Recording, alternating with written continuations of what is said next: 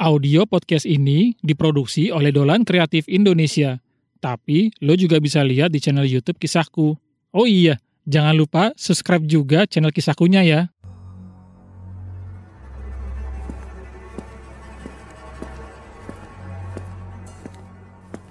Tidak lama kemudian, aku melihat ada seorang penjaga toko yang berdiri di ujung lorong.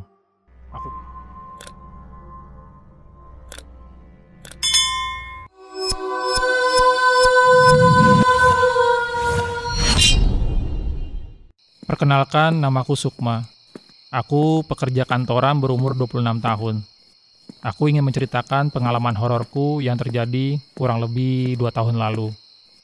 Hari itu aku ingat harus pulang malam, karena bosku menyuruh aku untuk mengambil alih pekerjaan temanku yang sedang sakit.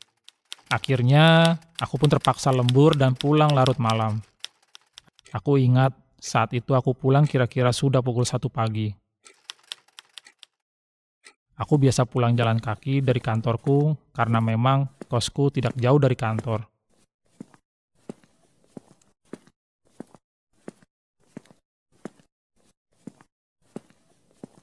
Belum lama aku jalan, tiba-tiba saja perutku berbunyi. Aku baru sadar kalau aku terakhir makan tadi siang jam 12. Aku pun mencoba mencari-cari apakah masih ada toko yang buka.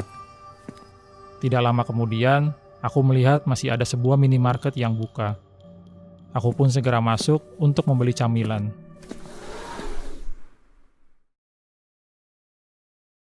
Namun, ketika aku mau membayar camilan, aku tidak menemukan satupun orang yang ketumui di dalam minimarket tersebut. Permisi, mau bayar. Halo, mas, mbak, ujarku sembari memanggil. Pada ke mana semua sih orangnya? Gumamku dengan nada bingung.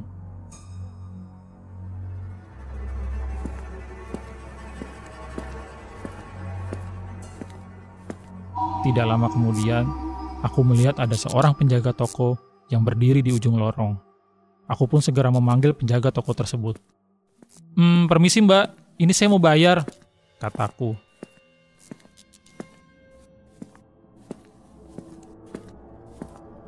Namun anehnya, mbak penjaga toko tersebut hanya terdiam dan tidak menghiraukan ucapanku.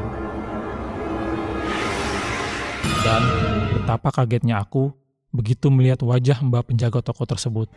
Wajahnya terlihat hancur seperti mayat hidup. Aku pun mencoba lari menghindari penjaga toko tadi. Namun, ia justru ikut mengejarku. Aku pun takut sejadi-jadinya.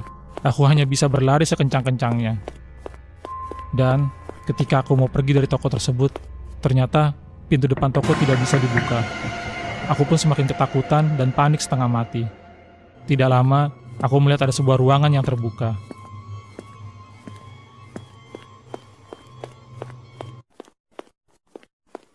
Aku pun langsung bersembunyi di samping tumpukan kardus dan berharap hantu penjaga toko tadi tidak menemukanku.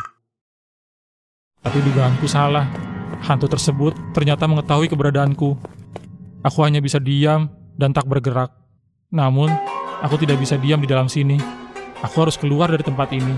Lagian, aku memegang balok yang bisa aku gunakan untuk memecahkan kaca pintu depan.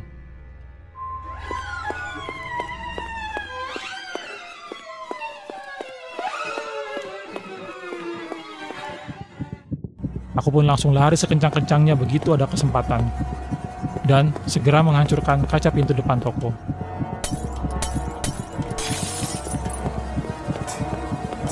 Akhirnya, aku bisa terbebas dari toko tersebut dan berlari sekencang-kencangnya tanpa menoleh ke belakang sekalipun.